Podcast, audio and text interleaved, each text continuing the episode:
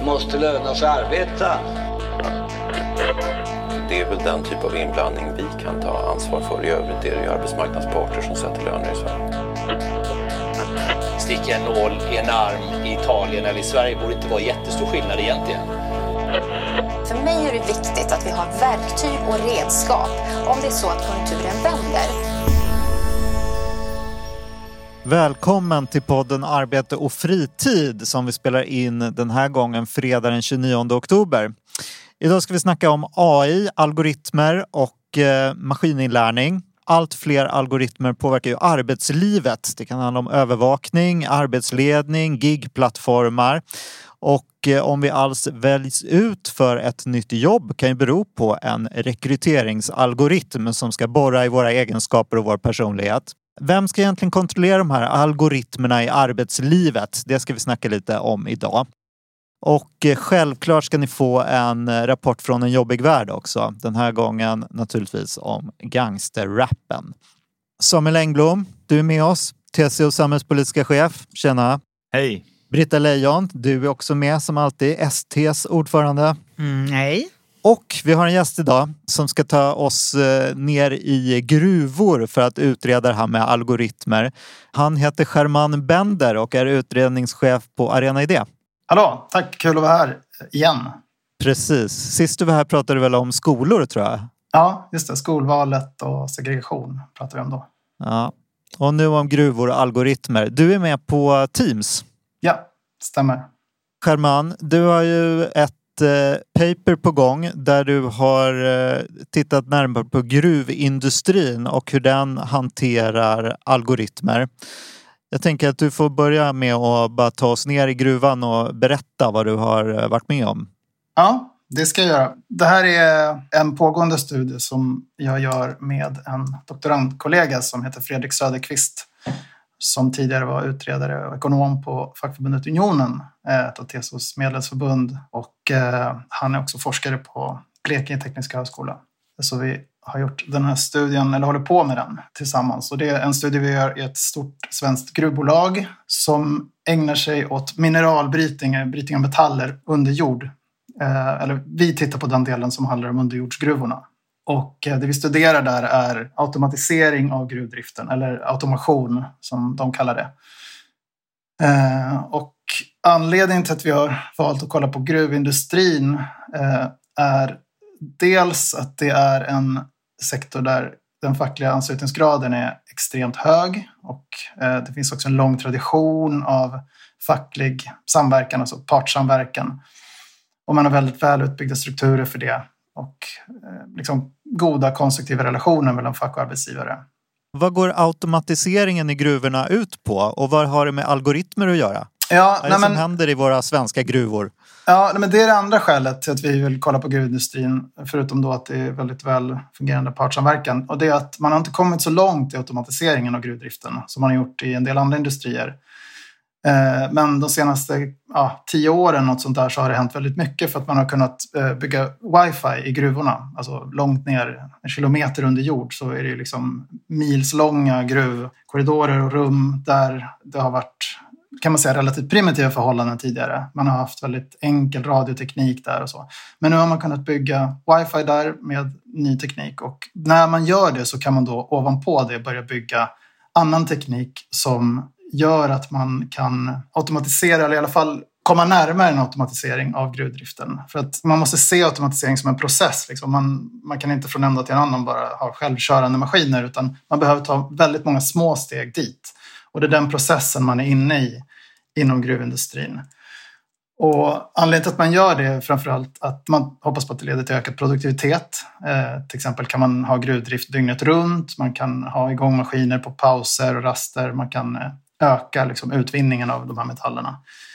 Det andra som kanske är minst lika viktigt är säkerheten. Det har ju varit liksom bränder och ras och sånt där. Mer eller mindre stora incidenter som man också hoppas eh, kommer leda till mindre skador framöver. För att man avlägsnar människorna från de här miljöerna.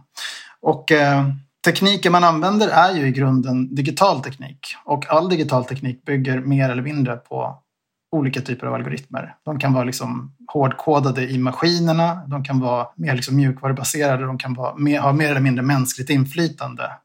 Men eh, som, den teknik som vi har kollat på nu är ganska enkel och eh, grundläggande kopplad till just det här uh, wifi-systemet de har. Så till exempel har man ett positioneringssystem som gör att man kan veta var gruv Eh, arbetarna och maskinerna befinner sig i det här stora gruvnätverket. Och man kan med det också mäta liksom hur lång tid det tar att röra sig mellan olika platser. Man kan börja enklare fjärrstyrning av fordon. Eh, man kan snabbt utrymma korridorer när det uppstår brand eller andra olyckor. Man kan hålla reda på vilka som, personer som befinner sig på olika platser för att veta om man har fått ut alla och sådär. Och det här ger upphov till en, en rad förhandlingsfrågor mellan fack och arbetsgivare. Och det vi vill ta reda på är vad förhandlar man om? Varför förhandlar man om det? Och på vilket sätt gör man det? Vad har man för ramverk och liksom institutionellt stöd för att göra de här förhandlingarna? Jag kan ta som exempel integritet, en jätteviktig fråga. Gruvarbetarna var oroliga i början för att eh, arbetsgivaren skulle hålla koll på om de gick på toaletten eller hur länge de var på lunchrast eller Eh, var de befann sig någonstans, om de var för länge på ett visst ställe och sådär. Det har man löst genom att eh, införa en så här anonymiseringsfunktion i det här systemet så att man kan bara se liksom ett nummer på en gruvarbetare. Det går att ta reda på vem som har det numret men det är inte så enkelt att göra det och det är väldigt få som har behörighet att ta reda på det i det här systemet. Och det är liksom kollektivavtalat att det ska vara på det viset. Sen gör man lokala avsteg från det, både på företagsnivå men också i enskilda gruvor. Alltså så att en viss gruva kan ha ett lite mer tillåtande sätt att hantera det här systemet. Man tycker att det är ganska lugnt att chefen har koll på vem som är var och i en annan gruva så kan man inte tycka det. Så det är en väldigt flexibel eh, lösning som man har hittat för det där. En annan fråga som kommer upp mycket är, och som jag tror är väldigt intressant, eh, ja, inte minst för, för er, det är gränsdragningsfrågor. För när man inför olika typer av teknik i gruvan så förändras dels befintliga tjänster, befintliga arbetsuppgifter, men det uppstår också nya. Man behöver liksom nya eh, tjänster som eh, arbetsgivaren utformar och rekryterar till. Och då när det gäller att man förändrar jobb så kan det uppstå gränsdragningsfrågor för att säga ett jobb som tidigare varit ett arbetarjobb, eller som de kallar det kollektivare. De har ju flera fackförbund, IF Metall, Unionen, Ledarna och eh, Sveriges Ingenjörer. Och man kan grovt dela in det på kollektivare och tjänstemannabefattningar. Och eh, om det har varit ett eh, jobb som har varit ett kollektivarjobb, alltså ett IF Metall-jobb, som förändras så att det blir mer tjänstemannainnehåll i det jobbet. Då uppstår en diskussion, ska det här klassas nu som ett tjänstemannajobb? Då faller det under unionens avtal kollektivavtal. Och det spelar roll där, för att det finns ganska viktiga materiella skillnader mellan avtalen. Till exempel har IF Metall-avtalet en väldigt förmånlig gruvpension. De har olika gruvtillägg för jobb på bekväma tider eller bara för att jobba under jord och så vidare. Så att de har ganska liksom lukrativa tillägg kan man säga. Medan tjänstemännen har högre grundlön, men inte de här tilläggen. Eh, tjänstemännen har också andra möjligheter att få mer individualiserad kompetensutveckling, medan kollektiven har mer liksom grupplösningar för kompetensutveckling. Eh, de har ett gränsdragningsavtal, IF Metall och Unionen, på central nivå. Och där är det ganska tydligt angivet vad man ska göra för att bestämma om en tjänst är en kollektiva tjänst eller en tjänstemannatjänst. Och oftast löser man det på lokal nivå. Det ska ganska mycket till för att det ska komma upp och behöva lösas på central nivå. Och man brukar prata om två principer där. En är ursprungsprincipen och en är huvudsaklighetsprincipen. Eh, ursprungsprincipen handlar om vad ett jobb ursprungligen var och den använder ofta IF Metall, i alla fall här i det här sammanhanget som jag pratar om. Ja, var det här tjänsten från början en kollektiva tjänst som nu har förändrats och fått ett mer tjänstemannainnehåll men i grunden ändå är en, en kollektiv tjänst. Eh, medan huvudsaklighetsprincipen handlar mer om att man struntar i vad det var för tjänst från början utan tittar bara på vad är det för arbetsuppgifter nu? Är det till mer än 50 procent tjänstemannauppgifter, då ska det klassas som ett tjänstemannajobb. Är det till mer än 50 procent arbetaruppgifter så ska det klassas som alltså uppgifter som hör till produktionen som man säger. Då ska det vara ett arbetarjobb. Och de här två principerna står ibland emot varandra. Liknar det här lite utvecklingen i eh, industrin då? Tänker jag mig. Att det är liksom från att ha varit på plats och gjort olika saker så har nu arbetarna retirerat in i olika kontrollrum där man sitter och styr maskiner med joysticks. Är det så det Absolut. håller på att bli? Liksom? Verkligen. Eh, I processindustrin har man kommit längre och i vissa delar av gruvdriften så är det mer processliknande verksamheter. Men i den här eh, liksom mer traditionella underjordsgruvdriften så är det fortfarande, man har inte kommit så långt när det gäller eh, automatisering av verksamheten. Men det man vill är ju ytterst att eh, ha så få människor under jord som möjligt. Så att man, man börjar med att avlägsna människor avståndsmässigt från, säg, explosioner eller eh, ras och liksom brytning av stora stenblock och sånt. Så att man kanske står 10, 20, 50 meter därifrån med joysticks eller med liksom stora Joysticks är väl kanske lite förenklande, men jag antar att det är ganska avancerade styrningsdosor de har där. Men de har också kontrollrum som är kanske flera hundra eller kilometer bort från rummen där de bryter. Men de kontrollrummen används mer för att planera och fördela arbetet, inte så mycket för att utföra själva gruvdriften. Men ytterst är det dit man vill komma. Och ju färre som är under jord, desto bättre tror jag man kan säga att både företaget och facket tycker. Just det. Du är lite inne på det här i studion, hur man liksom sänder eh, information mellan de som är nere i gruvan och de på ledningsnivå. Skriver du inte att det har varit mycket instruktioner uppifrån och ner i de här systemen, men inte så mycket nerifrån och upp? Det, det är lite speciellt hur de använder sig av teknik här. De eh, utvecklar ingen egen teknik utan de köper liksom off the shelf som de säger. De köper in liksom färdiga lösningar. Så till exempel använder de iPhones och iPads där nere. Eller jag vet inte om det är just Apples modeller men ja, motsvarande. Och de köper in liksom färdiga lösningar och då har de ju kontakt med många eh, leverantörer för det. Och de hade varit i kontakt med en amerikansk, eh, ett amerikanskt företag som hade eh, tagit fram teknik för att sända arbetsorder ner i gruvan från eh, arbetsledning eller ja, de som ansvarar för att hålla ihop arbetsgrupperna. Så. Och den tekniken hade mycket högre eh, bandbredd neråt än uppåt. Så att säga. Alltså för att skicka ner information till gruvarbetarna. Så det liksom, man hade byggt in i tekniken stora begränsningar för att ta emot information från de som utförde jobbet. Och väldigt generösa eh, eh, gränser, för, ja, närmast inga gränser, för det är en enorm bandbredd för att eh, föra ner information dit. Så att, lite förenklat kan man säga att man, man talar om för gruvarbetarna vad de ska göra men man är inte så intresserad av att höra vad de tycker. Eh, och det tyckte då den här personen som är på väldigt hög ledningsnivå i gruvan och framförallt ansvarar för väldigt mycket av teknikutvecklingen. Han, tyckte, han sa blankt nej till det. Han, han tyckte att det liksom gick helt på tvärs med den kulturen de har i det här företaget som går ut på att man betraktar eh, gruvarbetarna som väldigt kompetenta och eh, som personer som ska ha väldigt stor frihet att själva ta beslut i sitt arbete. Och därför är man väldigt intresserad av att veta vad de tycker. Om de får en arbetsorder som de av någon anledning inte tycker kan utföras på det sätt som den är utformad eller just i tillfället eller sådär. Eller om de vill göra någonting i en annan ordning eller så. Så vill man kunna veta det. Liksom. Man vill kunna ha mycket kommunikation med sina medarbetare. Och det tyckte jag var ett intressant synsätt för det tyder på att det är någonting speciellt eh, i det här företaget. Men jag skulle nog kanske också drista mig till att säga att det kanske är lite kännetecknande för svensk eh, arbetskultur eh, eller arbetsmarknad. Att man har det synsättet på medarbetare. Det finns väldigt många exempel i andra länder på gruvor där man inte alls ser på sina medarbetare på det här sättet.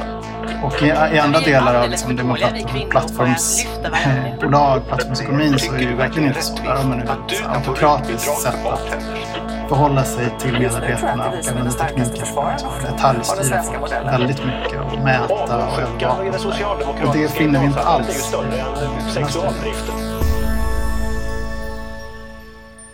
Ska vi gå på dig Samuel? Du har också varit ute och intervjuat eh, fackföreträdare kring algoritmer och eh, maskininlärning.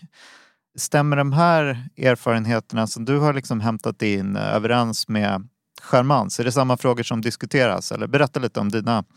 Ja, nej, men det jag har intresserat mig för då, det är då folk som jobbar ovan jord och som jobbar i eh, stora organisationer egentligen. Där man eh, regelbundet introducerar nya digitala verktyg. Och det kan ju vara myndigheter som administrerar stora socialförsäkringssystem till exempel, regioner, banker är ett annat sådant exempel där man också använder. Och försöker då klura på om de verktyg vi har för medarbetarinflytande, för fackligt inflytande, eh, hur väl de fungerar på den här typen av teknik. Och det är ju lite sådana frågor som också eh, German och Fredrik inne i den här studien som jag tycker är jätteintressant. Jag tycker att de här perspektiven kompletterar varandra ganska bra. Det får... är, det, Samuel, är det system, de här nya tekniska systemen, är det ofta system som handlar om hur man hanterar liksom extern, kunder och så? Eller har det konkret med liksom arbetssituationen eh, att göra, arbetsledning och sådär? Man kan säga att om vi tittar på den, den, mediala diskussionen och också diskussionen av många forskare om de här frågorna. Då har det varit ett väldigt fokus på de här HR-användningsområdena. Rekrytering och leda och fördela arbete. Jag skulle säga att det är eh, kanske Eh, så ren sån användning är ganska ovanligt. Eh, för att det ska vara intressant att rekrytera med hjälp av en algoritm så ska du ha, ha det här problemet att du får väldigt mycket sökande och måste rekrytera folk hela tiden. Då kan ju det vara spännande som sållningsinstrument. Om vi pratar ren algoritmisk arbetsledning då är det ju de här plattformarna då, Uber och sånt här som, som är exemplen. Jag tänker det som German pratade om det är ju det, snarare att man använder digital teknik i arbetet. I och för sig då i själva styrningen av arbetet. Eh, det som jag också har tittat på då och som man kan, kan se på den här typen av på många så säga, kontorsarbetsplatser eller den här typen av verksamheter. Det är ju att datasystemet är en så viktig del av det du gör. Det är där du utför ditt arbete att förändringar i det systemet får stora konsekvenser för arbetets innehåll, arbetsmiljö, arbetstempo. Och det är också en likhet med det som Germain beskriver. Och första frågan som jag har ställt då när jag har pratat med folk det är ju då, blir digitala verktyg föremål för förhandlingar och samverkan? På det viset som det, som det borde. För det är ju så att allt ska ju inte förhandlas eller samverkas utan det regleras ju i MBL och i arbetsmiljölagen och i kollektivavtal. Och då kanske för förvånande så säger man att det är ju större sannolikhet att stora projekt samverkas eller förhandlas på ett korrekt sätt då än att mindre gör det. Eh, också att eh, sånt som har den här HR-dimensionen, det är också sånt som kanske samverkas i större utsträckning på ett korrekt sätt. Och det, det har ju då säkert att göra med kanske att HR-avdelningarna är mer medvetna om den, den plikten och det är sånt som man typiskt sett gör, det påverkar organisationen organisationen. Men att till exempel en uppdatering av ett system. Vi har implementerat Teams och nu kommer en ny funktion i Teams. Det är inte säkert att den samverkas eller förhandlas på det sättet som den borde. Det kan också vara så att, att arbetsmiljöaspekter, vi är, vi, är faktiskt, vi är medvetna om de fysiska arbetsmiljöaspekterna också av digitala verktyg. Vi har ju TSO Development som ett jättebra exempel på det. Vi har jobbat länge med de frågorna. Men man kanske inte alltid tänker på det organisatoriska och sociala i den, den, den typen av implementering. Så det, det är liksom en sån sak. Då, att, Vad allt... konkretiserar Vad är, du nämnde Teams. Ja. Vad är det för andra typer av system som ni det är mycket, om? Alltså, om du tänker det, idag är det så att de flesta stora organisationer har ju, ett, om vi tar en bank eller om vi tar Arbetsförmedlingen, vi tar Försäkringskassan. Då är det ju så att du sitter och jobbar i ett eller ibland flera datasystem, ibland alldeles för många olika datasystem. Eh, och förändringar i dem, det påverkar din vardag. Det kan ju vara allt från sådana här alltså fysiska saker. Vi gör en förändring som gör att eh, man behöver göra tre musklick till i, i en specifik typ av ärenden. Det kan sen ge utslag i sjuktalen på den myndigheten om vi inte pratar om en stor myndighet för det liksom aggregeras upp. Va? Det kan också handla om att vissa arbetsmoment tas bort och andra läggs till. Eh, Försäkringskassan har ju idag möjlighet att faktiskt fatta, eh, och det är ju de enda som har den möjligheten, att fatta automatiserade beslut på sådana här ärenden som inte innehåller någon bedömning. Däremot då bedömningsärenden har man inte den möjligheten. Eh, samtidigt så finns det ju där och inom många myndigheter och regioner, banker och andra ställen att man inför allt mer avancerade beslutsstöd. Där kan vi se att man använder sig utav eh, algoritmer och i viss utsträckning liksom av maskininlärning och AI. Och det är klart, det förändrar arbetets innehåll. Du får ett bättre beslutsstöd. Men det är klart, det, det, det är fortfarande du som handläggare som ska fatta det formella beslutet. Det förändras min frihet i arbetet. Hur hög blir tröskeln att komma till en annan slutsats? Och, och, det här kan ju vara gradvisa förändringar av eh, eh, datorsystem eh, som, som, som förändrar arbetet. Just det, så det kan handla om både vem som får ekonomiskt bistånd eller vem som får ett lån på banken. Liksom. Ja. Absolut. Alltså, vi gjorde en arbetsmiljöundersökning strax före pandemin eh, om en del av de här frågorna. Och det visar sig ju naturligtvis då tyvärr att majoriteten av medarbetarna inte har haft någon möjlighet att ha något inflytande över hur de här nya verktygen eller nya momenten eller rutinerna Eh, ska liksom implementeras på jobbet och hur deras egen arbetsmiljö och deras egna arbetsuppgifter förändras. Tyvärr. Jag hoppas ju att liksom pandemin med det allt ökade fokuset på på digitalisering, på AI eh, kommer innebära att det blir en ohållbar eh, attityd från arbetsgivarna. Därför att man måste inse att det här blir allt mer en så central del av hur arbetet utformas och hur vi förväntas, när, hur och på vilket sätt vi förväntas utföra våra arbetsuppgifter. Och dessutom påverkar det också inte bara arbetsmiljön men det i sig är ett argument så gott som något för att det här borde eh, vara föremål för betydligt högre grad av, av lokala kollektivavtal och för inflytande för med, från medarbetarnas sida. Men dessutom påverkar ju också de här nya verktygen, nya förutsättningarna för arbetet också relationen mellan när det gäller mina medlemmar då, mellan myndighetsbesluten, mellan myndigheten och medborgarna. Hela verksamhetens kärnidé påverkas ju. Och eh, vi vet ju genom undersökningar från SOM-institutet, från Futurion, vi har gjort egna, jag tror att TCO också har gjort det, att människors tillit till beslut som är fattade av AI är lägre. Därför man hyser inte samma tillit till att besluten blir korrekta än om en människa gör det. Så det här, det här handlar om insyn, det handlar om arbetsmiljö, det handlar om insyn, det handlar om myndighetsutövningens rättssäkerhet. Så det är superviktiga frågor. Ja men det är ju en, en eh, liksom fördjupning av det där ämnet. Ja. För när man tänker på AI, man tänker ju ofta på de där systemen som styr en själv. Jag får ju någon sån rapport varje vecka. Liksom. Så här har du använt eh, datorn. Du har så här mycket tid för mail och du har så här mycket tid och tänk på att lägga in eh, olika fokustider och så vidare.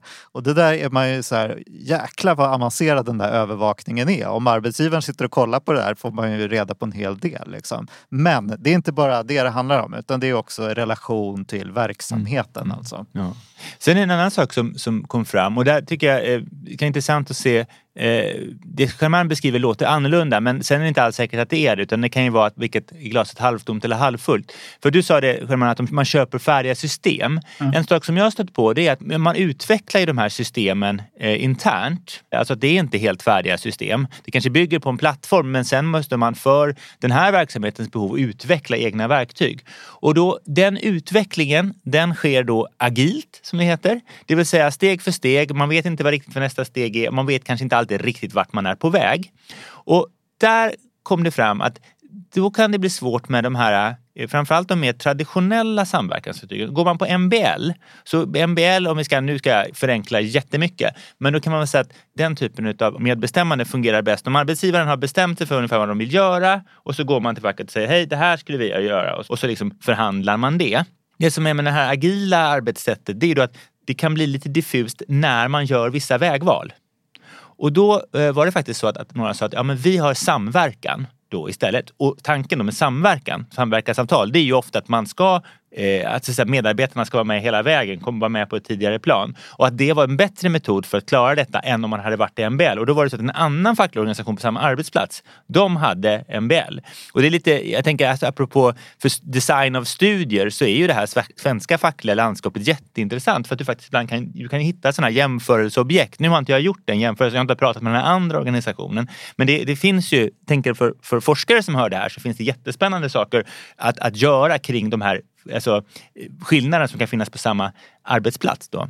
Sen den tredje saken som, som kommit upp som jag tycker är spännande, det är ju då eh, som knyter tillbaka till den här internationella diskussionen. För den internationella diskussionen den, den kan bli ganska teoretisk och handla om att okej, okay, hur öppnar vi upp algoritmen för insyn? Eh, och vilken typ av transparensmekanismer behöver vi och vilken typ av teknisk expertis behövs och så vidare. Ja, och det är intressant och det kan vara betydelsefullt. Men när man då frågar liksom, så här, fackligt förtroendevalda lokalt hur man hantera sådana här situationer. Då får man svaret att ja, det är viktigt att inte fastna i tekniken. Eh, blir det en diskussion om teknik, då riskerar vi att vi inte får fram då de synpunkter som vi kan ha om hur det här påverkar våra medlemmar. Utan vi måste hela tiden få, få diskussionen till att handla om hur det här påverkar medlemmarna.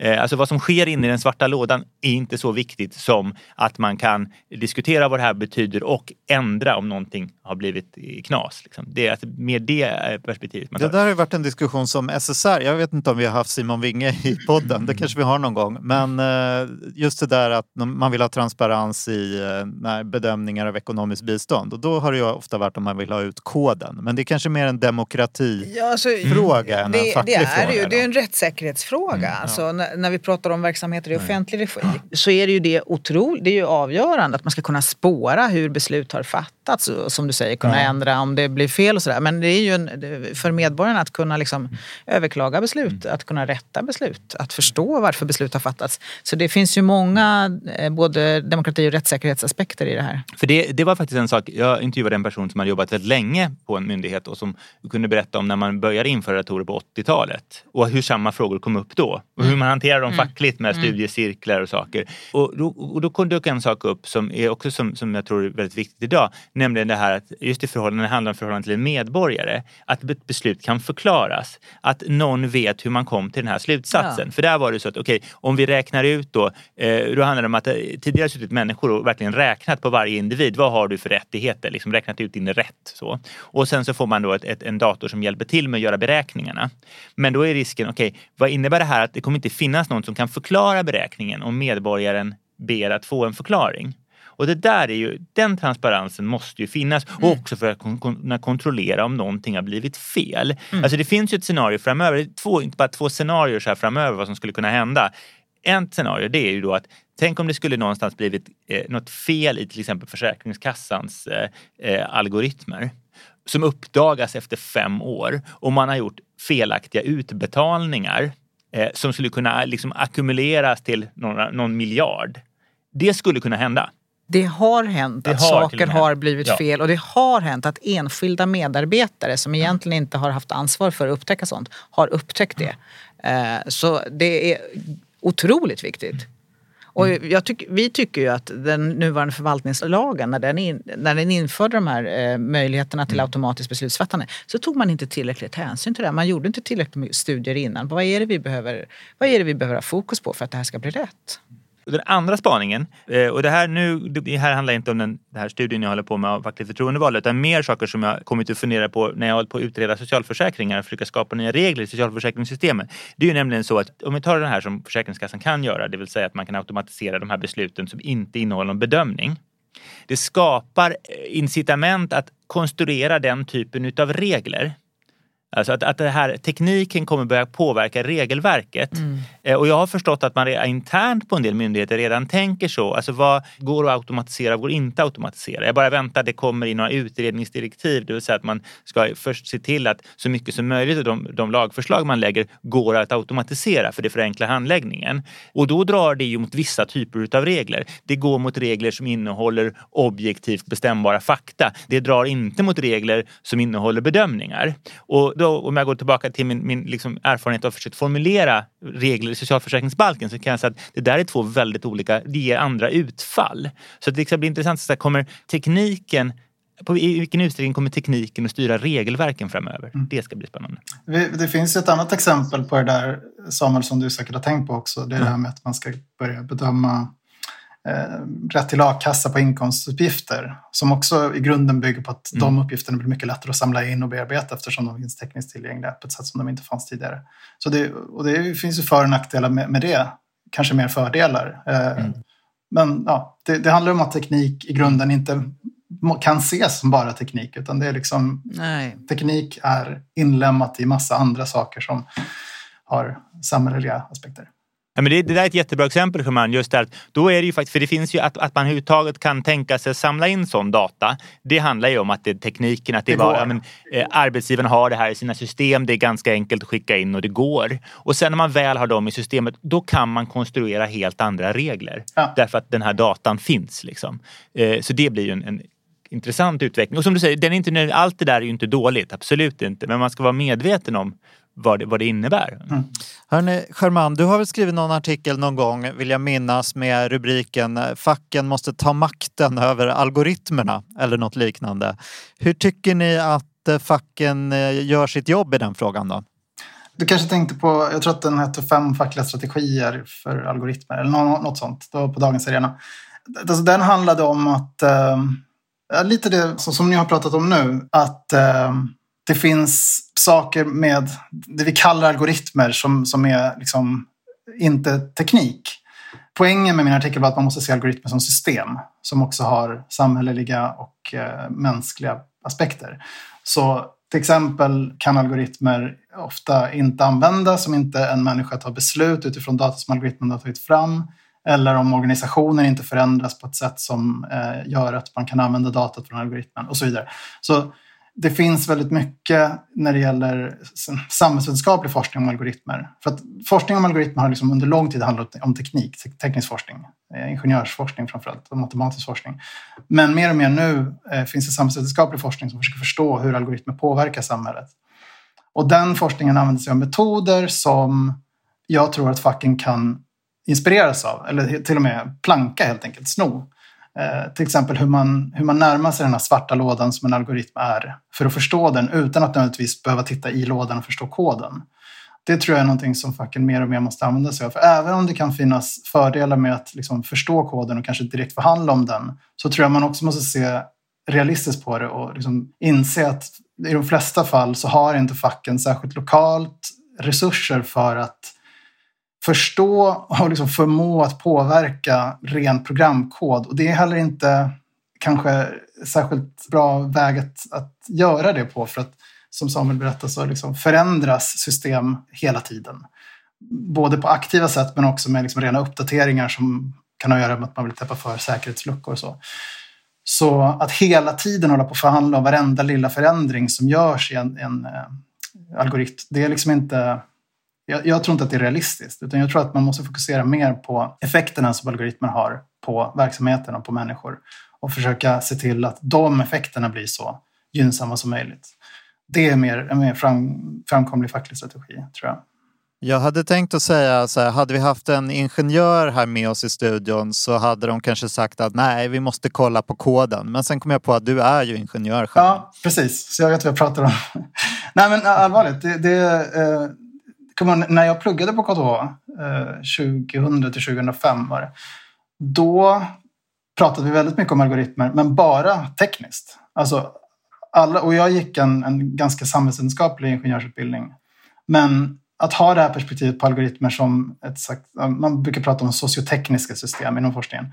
Det fanns inte riktigt då. Eh, det är klart det förekom, men det var liksom inte alls lika utbrett som det är idag. Utan då var algoritmer en rent teknisk artefakt som man försökt förstå på ett tekniskt och, och teoretiskt också matematiskt sätt. Det är, tror inte jag är synsättet som facket ska ha på, på algoritmer. Men jag tror att man har en jätte, jätteviktig poäng här och jag tycker du ställer upp det väldigt bra och säger alltså det här att, att det som vi som fackliga organisationer behöver anamma det är det här samhällsvetenskapliga perspektivet på tekniken. Och jag tänker just att, de, att det handlar om att fackligt förtroendevalda lokalt ska veta vilka frågor man ska kunna ställa. De behöver ha en, en orientering om vad teknik kan göra men också veta vilka frågor det är man ska ställa. Mm. Det, det är ju liksom det. Och där skiljer det sig då inte från eh, att vi kommer in med en ny maskin även om man kan tycka att en mekanisk maskin kan vara lättare att förstå hur den fungerar möjligtvis men så är det ju inte alltid. Utan att, att det är ställa de rätta frågorna om hur det här påverkar verksamheten och hur man kan liksom minimera de negativa konsekvenserna och maximera de positiva konsekvenserna. Ska säga.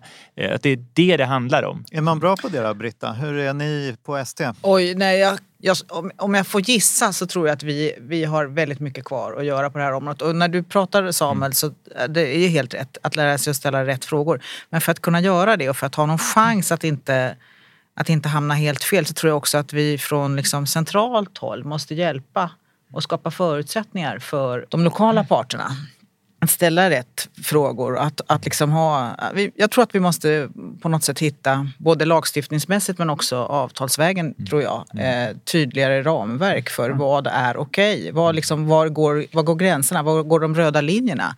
Allt ifrån integritetsaspekter mm. till arbetsmiljöaspekter och, och också det här relationen mellan myndighetsutövning och medborgare. Men det är ju mer en lagstiftningsfråga. Men, men där behöver även vi, vi behöver liksom upphäva vår stämma och bry oss mer om de här frågorna. Men de, de är svåra och det tror jag är, har varit lite avskräckande. Jag tror att pandemin kanske kan innebära en skjuts i också de här diskussionerna. För bara ett sånt litet enkelt exempel som det här med under vilka villkor ska distansarbetet eh, regleras framöver. Där har vi ju hittills haft, jag menar det finns ett EU-direktiv som är ganska gammalt för det här laget. Eh, vi har inte lokala kollektivavtal om sånt här utan det är ensidigt beslutade riktlinjer av arbetsgivaren. Ofta liksom i och för sig samverkade de innan, men ändå. Eh, vi skulle behöva ha betydligt mer kollektivavtal som reglerar var gränserna går och vilka, att man svarar på de här kloka frågorna på rätt sätt. Där sa du får jag komma in där? Britta. Ja, okej. Okay. det, är, det är en till sak som vi tar upp i vår studie och som jag tycker är viktig här och som berör lite av det Britta pratar om nu och faktiskt även det Samuel kollar på i sin studie. Han pratar ju om eh, workers voice mechanisms. Och en fråga som uppstod för oss medan vi gjorde studien, liksom, som växte under studiens gång och som vi kommer att försöka låta ta lite mer utrymme i den färdiga artikeln, det är varför förhandlar man under fredsplikt? Lokala parter, de, måste, de har inte rätt att strejka. Liksom. De, mellan avtalsrörelser så har de att agera under fredsplikt. Och egentligen så skulle arbetsgivaren ytterst kunna bara liksom köra över sina fackliga motparter. Det gör man inte. Eh, det gör man sällan i alla fall. Och vi undrar varför. Inom forskningen så pratar man, industriella relationer forskning så pratar man om att eh, det svenska och många liknande partsmodeller har two tiers, alltså två skikt eller två lager. Mm.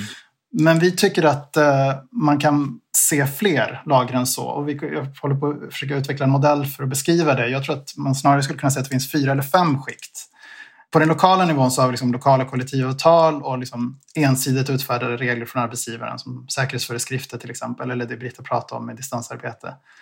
På nästa nivå så har vi centrala kollektivavtal eller sektorsavtal eh, och gränsdragningsavtalet som jag pratade om mellan IF Metall och Unionen är ett sådant exempel mellan fack, fackliga organisationer. Och sen har vi på nationell nivå lagstiftning, myndighetsföreskrifter och den typen av förordningar, eh, regelverk. Och sen har vi på den federala nivån EU-lagstiftning som också kommer in. Och alla de här sakerna påverkar det som sker på lokal nivå. Och de, de ger både liksom begränsningar och förutsättningar och, och liksom förhandlingsmandat också för de lokala parterna. Det är klart, i någon mening så kan man säga att konfliktvapnet finns där för att man kan ju hota med att i nästa avtalsrörelse så ställer vi till med problem. Eh, men det är liksom, ett, tror jag, ja, det är ett ganska trubbigt vapen, det ligger långt fram i tiden och eh, det är nog så att alltså, relationerna mellan arbetsgivare och fack när de fungerar mer vilar på de institutionella ramar man har och en slags anda om att man vill ha en samverkan. Och det där, ska vi, det där vill vi försöka förstå lite bättre. Ja, spännande. Hörrni, vi, vi eh, hänger oss kvar en liten stund i det här övre lagret, EU. och eh, Kommissionen vill ju gärna se harmoniserade regler för artificiell intelligens. Och eh, du har eh, grottat lite i det där Samuel och eh, anser bland annat att de definierar ju olika högrisk AI-system. Och du tycker att arbetsmarknaden är ett sånt högriskområde. Det som finns då på EU-nivå nu är då bland annat ett förslag till en Artificial Intelligence Act som är då en en förordning om artificiell intelligens, vilket då är som, som GDPR, det vill säga att den, då, det är inte ett direktiv som ska omvandlas till lagstiftning i medlems utan här, en förordning ska ju tillämpas direkt. Och man kan väl säga att det, det, är väl lite grann uppföljaren till då det som jag tror EU upplever som framgången med GDPR, att EU har satt världsstandard. Ja? Du måste klicka bort cookies i hela världen. Och det är ett bevis för att det här är någonting som EU är bra på att reglera. Eh, och då tänker man sig lite grann att man ska eh, göra detta då. Och, och, det finns anledningar till att man behöver reglera sånt här på EU-nivå. Eh, det handlar om att det finns gränsöverskridande aspekter. Eh, det handlar om att det finns vissa inslag i det här som också handlar egentligen om medborgerliga rättigheter av en typ som är bra att ha på en annan nivå än nationalstaten därför att det är nationalstaten som kan komma och kränka dem. Så det finns eh, liksom ett antal argument för att, för att ha en reglering på EU-nivå. Men för Förslaget är då konstruerat så att först pekar man ut ett antal användningsområden för AI som är förbjudna. Punkt. Sen så pekar man ut ett antal andra användningsområden som då anses vara hög risk och på dem så lägger man då skyldigheter vad gäller då transparens, vad gäller mänsklig insyn och man tänker sig att det ska skapas alltså standarder, alltså självreglering av sådana här standardiseringsinstitut och sånt. Till att vad är det som är förbjudet? Och det som är förbjudet, ja det, är lite, det, är då lite, det känns lite tillfälligheter vad det är som har blivit förbjudet. Vill man vara elak så kan man kunna säga det känns som att det är sånt som man har läst om i tidningen under tiden som man tagit fram det här direktivet och blivit upprörd över. Och det är en del där som är ganska svårtolkat. En del är väldigt specifik. Man säger att man får inte använda då AI, eh, staten får inte använda det i system som riktas mot medborgarna och som kopplar sociala rättigheter och förmåner till någon form av system för social score. Och det här är någonting då som man menar det finns i Kina. Ja. ja och det, ska vi, det, det förbjuder vi, punkt, liksom, i EU. Det är extremt specifikt. Sen finns det då andra som handlar om att man då inte ska få använda AI som utnyttjar då mänsklig alltså svaghet hos vissa grupper eller, eller eh, eh sublim, sublim teknik för att, att påverka människor. Subliminal ja, teknik. Subliminal teknik. Och läser man det där, liksom tolkar man det där extensivt, man säger, aha, där rök ju hela den här typen reklam, hela spel. Vad, vad, vad, handlar, vad handlar online-spel om om inte om att utnyttja mänsklig svaghet för att tjäna pengar med hjälp av digitala verktyg? Alltså då ska man säga, tolkar man det extensivt, då är det ganska mycket som ska förbjudas. Va? Där finns det mycket frågetecken. Sen den här delen som handlar om högrisk AI. Då, Högrisk AI är definierat som de verksamheter som listas i bilaga 3 till förordningen och annat som kommissionen tycker liknar det, om man ska hårdra det. Och där då, i den här bilaga 3, där finns då eh, arbetslivet. Och det man, men det man pekar ut vad gäller arbetslivet, det är just de här sakerna som har fått mycket medial uppmärksamhet. Rekrytering, arbetsledning. Liksom. Och risken är till de systemen som vi mest har pratat om här, det är inte självklart att de ingår.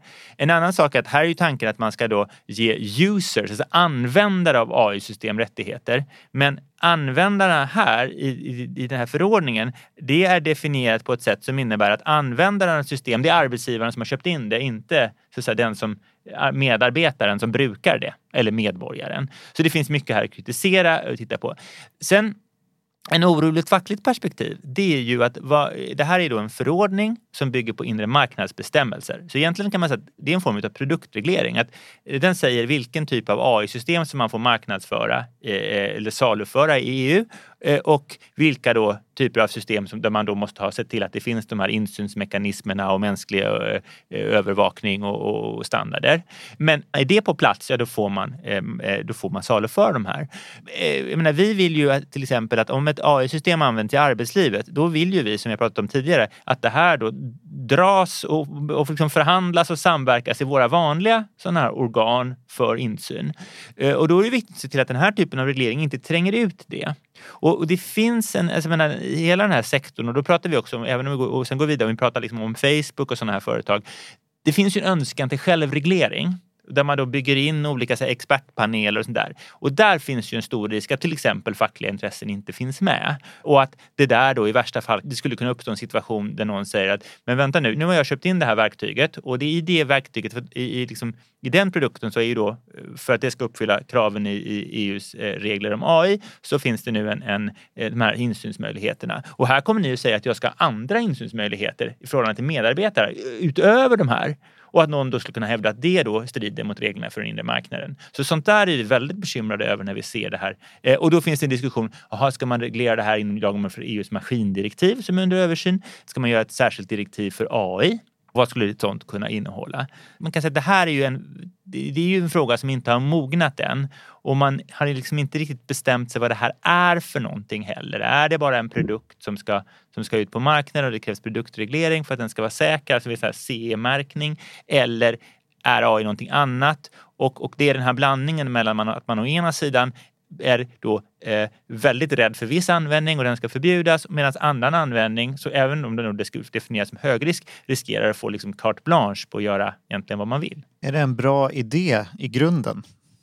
det finns skäl att reglera den här typen av saker på, på EU-nivå just för att det är, det är gränsöverskridande, det, det har vissa element av eh, eh, grundläggande rättigheter just därför att det finns bestämmelser här som, som handlar om hur man får använda AI i förhållande till medborgarna. Alltså för övervakning och sånt. Och det är ju en typisk sån sak som det kanske är, som eh, mänskliga rättigheter mår bra av att ligga över nationalstaten. Därför att det kan vara nationalstaten som bryter mot dem. En risk här, eh, det är ju då att om man då, alltså man lägger det här i en inre marknadsreglering så skulle någon kunna säga att aha, eh, eh, säg att ett land, ett land skulle kunna ha eh, grundlagsregler som begränsar övervakning ytterligare. Men då kanske någon skulle säga att vi får använda det här AI-instrumentet därför att det uppfyller ju de här EU-kraven och ni får inte lägga på några extra krav på det här instrumentet. Eh, då. Den typen av situation skulle ju då liksom, hypotetiskt kunna uppstå. En konflikt mellan inre marknad och konstitutionella normer i länderna. Så det, det, är som sagt det är ett område som det, det känns att det är nytt. Det känns att det rycks i det politiskt från olika håll och, och, ganska impulsivt då. Man, man reglerar det som man läste om i tidningen förra veckan. Eh, så jag tror att det, det, det, finns, det är långt arbete kvar innan man får en bra reglering på plats. Det, vad är det för tidplan på det här? Då? Det här sägs att det ska gå ganska sakta. Men då pratar vi liksom ja, två år kanske. Det är liksom, men det är ju en början och det är nu på, diskussionerna börjar i parlamentet mm. och det finns, eh, sitter arbetsgrupper och diskuterar detta inom rådet. Vi har fått, som tur var fått till stånd en samrådsgrupp mellan arbetsmarknadens parter och infrastrukturdepartementet för att prata om de här sakerna. Det har varit i, i, i eh, samråd i riksdagen om det så det börjar rulla igång. Liksom, och vi har, men vi har ögonen på det. Mm. Mm. Det är tur att TCO finns och har ögonen på det här. Du Mikael, får jag bara fråga, har vi någon gång pratat om AI och relationen till jobb, skatteunderlag, eh, populismeffekter och sånt där? Annars tycker jag att det är ett ämne för kommande poddar. Mm. För det finns så mycket mer att prata om när det gäller AI och hur det påverkar jobben och vilka andra effekter det får för hela samhället. Vill du säga något kort om det? Eller Nej, vi... alltså, men, jag, menar, alltså, jag kan göra ett lästips. Man kan ju läsa en, en rapport från eh, tankesmedjan Futurium på, eh, åtminstone inte lyfter upp skattefrågorna kanske så mycket men mer det här med andra aspekter. Oron för framtidens jobb och för det förändrade arbetsinnehållet. Vad leder det till hos oss eh, människor? Ja, det kan leda till ganska mycket. Ett litet eh, instick där kan jag säga att oron för Eh, att bli av med jobbet med anledning av ny teknik är mycket, mycket mindre i Sverige än i stort sett alla andra länder i världen. Kanske i vissa nordiska länder, men jag menar, i USA är folk generellt mycket mer oroliga för det. Så det är inte bara, bara en teknisk fråga. Det är ju intressant. Ja, bara det är intressant och det finns ju en del anledningar till det och sådär. Men det kommer ja, nog...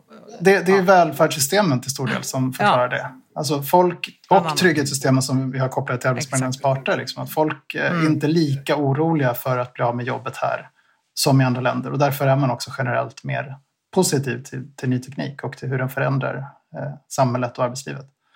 Det är alltid en bra ingång, Sverige som outlier.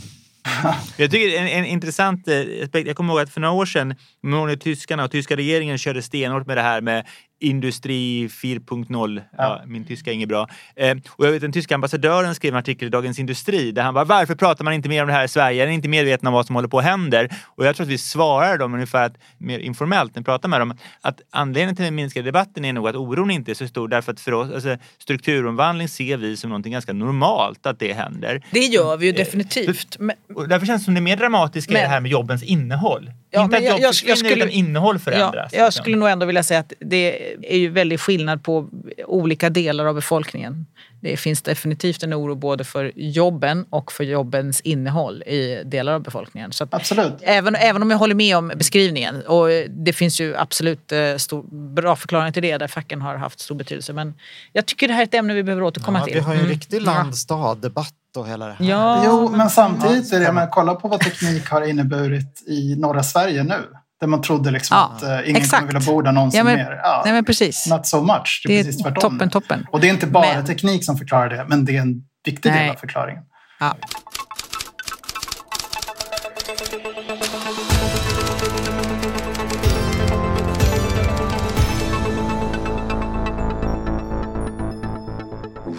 Musik, inte tillräckligt cringe.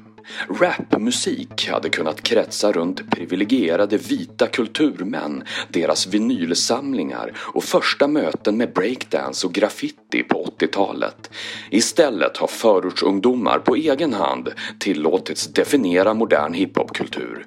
Vi har misslyckats, säger en manlig medelålders kulturredaktör på en av landets dagstidningar. Den senaste tidens grova kriminalitet bland unga svenska rappare har lett rätt till självrannsakan.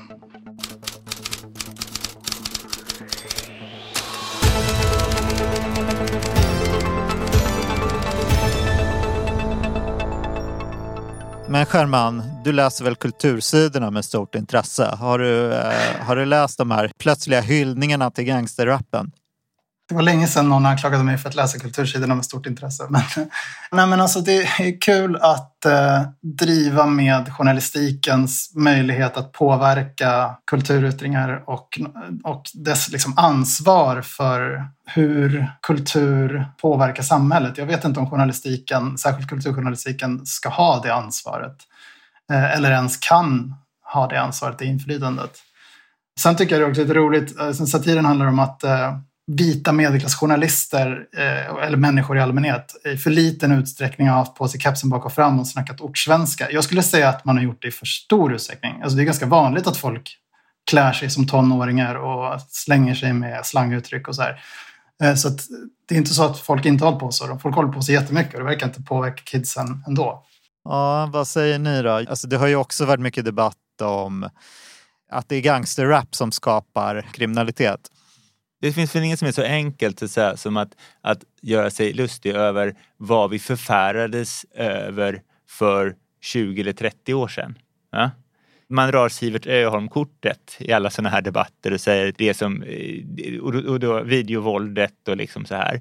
Sen så ska man väl inte underskatta det här med pop, alltså så här, populärkulturella förlagor skapar, att det skapar kultur och beteenden. Men man ska inte överdriva det heller. Jag tänker att, att vuxenvärlden kramar igen en, en, en eh, kulturform tror jag inte påverkar ungdomars syn på det. Utan det handlar kanske snarare om att det kramandet, det kommer i en fas när det där redan håller på, eh, eh, när ungdomarna har haft hållit på med det där några år Eh, eh, och då när det redan är på väg ut. Eh, och sen kommer nästa generation. Eh, så att jag tänker att det där är, ibland kanske kulturjournalistiken tar på sig en för stor, se sig själva som för viktiga i ett sådant sammanhang. Utan det snarare handlar om att, att det, ja, människor blir äldre och sen så kommer det nya generationer och så måste man hitta, och vill man provocera så måste man hela tiden hitta något, något nytt liksom, som vuxenvärlden kan uppröras över. Och om 20 år så, så är det väl här, dels en del av det här, en del av, kommer man tycka att en del av dagens debatt var jättelöjlig hur Gud kunde de förfäras över det här? Och att en del av den var väldigt naiv. Det är ju delen vi ser tillbaka till en del saker som, jag